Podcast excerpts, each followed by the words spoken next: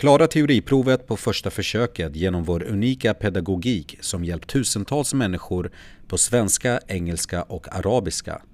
Bli medlem på körkortssidan.se eller ladda ner körkortsappen på App Store eller Google Play.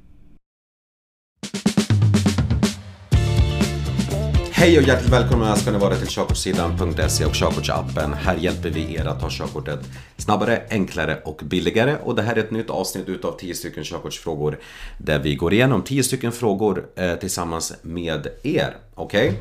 Vi, vi, tar dem igen ifrån körkortsappen eh, och eh, som vanligt så eh, har du inte gjort det än så följ oss på Instagram för där har vi du vet stories från verkligheten hela tiden som jag går igenom tillsammans med er. Och samt så är det frågor eh, varje, varje dag på svenska, engelska och arabiska som ni kan svara på. Eh, och självklart Körkortsljudboken, en komplett ljudbok som ni kan lyssna på helt gratis på Spotify och där poddar finns. Den har nu över 1,6 miljoner eh, spelningar vilket är helt fantastiskt. Men du, vi går in i körkortsappen och vi går till kursen teoriprov och så väljer vi teoriprov här. 10 stycken körkortsfrågor. Och den första frågan lyder. Vad ska du fylla i här? Eh, kylarvätska, motorolja eller spolarvätska? Okej? Okay? Det här ska man ju alltså inte kunna på bland annat kontrollbesiktningen om inspektören frågar dig eh, vad du ska fylla i här. Och eh, här är rätt svar A. Kylarvätska. Och kylar, kylarvätska består ju utav vatten och glykol. Svar A. Vilken längd måste barn ha uppnått för att endast behöva använda bilbälte på en plats där, där krockkudden är avstängd? Okej? Okay? Och här måste man alltså, alltså ta koll på två stycken längder, 135 och 140 centimeter. Och i det här vet, fallet så är det ju 135 centimeter. Det är den längd ett barn måste ha uppnått för att få sitta vid en plats där, där krockkudden är avstängd. Så att här är rätt svar A. Eh, ett barn får sitta eh, där, krock, där krock kudden är aktiverad när jag har nått en längd på 140 cm. Okej, okay? men här är i alla fall rätt svar A, 135 cm. Vilket ämne i avgaserna är den störst, eh, störst bidragande faktorn till växthuseffekten? Kolväten, svaveldioxid, koloxid eller koldioxid? Och den här kan nog oftast de flesta. Och det är ju koldioxid som är den största bidragande faktorn till växthuseffekten på jorden. Tyvärr så rensar katalysatorn inte avgaserna ifrån koldioxid utan tvärtom den bildar koldioxid. Men i alla fall, här är rätt svar D. Koldioxid. På vilket sätt kan du köra för att minska utsläppen och värna mer om miljön? A. Jag försöker köra med så låg växel jag kan. B. Jag försöker köra med hög växel och motorbromsa så mycket jag kan. Eller C. Jag bromsar när jag kan för att inte rulla i onödan.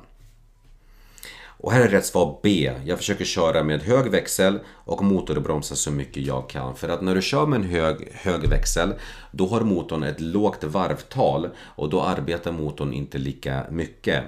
Och motor, motorbromsning, det är när man inte använder bromsen utan man växlar ner och låter motorn bromsa ner bilen, vilket är mycket mer miljövänligt. Men det kräver träning och teknik för att verkligen utnyttja motorbromsningen på ett effektivt sätt.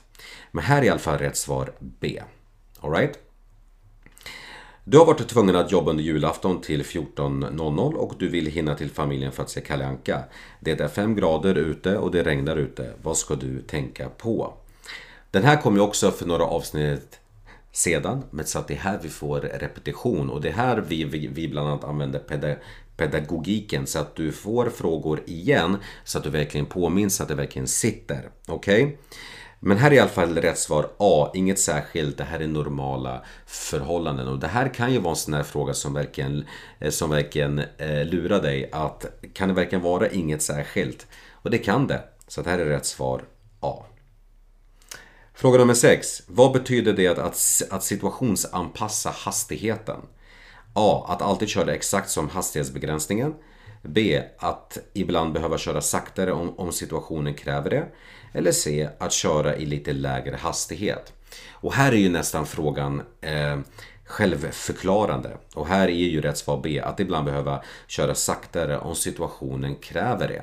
Finns det mycket barn, du vet, finns det, eh, eller är det jättehalt vet, ute eller finns det en vattenpöl där du eh, försöker undvika vattenplaning så, så behöver du eh, köra saktare om situationen kräver det. Så här är rätt svar B. Du ser detta vägmärke när du kör bil. Vad är sant? A. Cyklister kan förekomma på övergångsstället och är någonting jag bör vara uppmärksam på. B. Jag får parkera i anslutning till övergångsstället. Eller C. Jag har företräde oavsett vem som korsar gatan. Och här vet ju du bland annat att C är fel för att du ska ge företräde till, till gående som försöker gå över. B. Jag får parkera i anslutning till övergångsstället. Inte riktigt. 10 meter före ett övergångsställe så får man inte parkera. Cyklister kan förekomma på övergångsstället och är någonting jag bör vara uppmärksam på. Cyklister har ju inte företräde om de cyklar över ett övergångsställe, men det är någonting som man bör vara väldigt uppmärksam på ändå.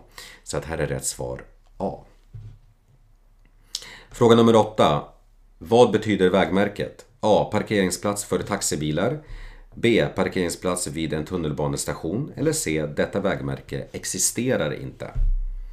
Det här är ju ett vägmärke som, är, som finns vid en infarts infartsparkering. Alltså en parkering nära kollektivtrafiken så att folk kan köra bilen en bit, parkera för att sen ta bussen eh, eh, eller tåget. Ehm, och eh, T där, det är ju symbolen för tunnelbana.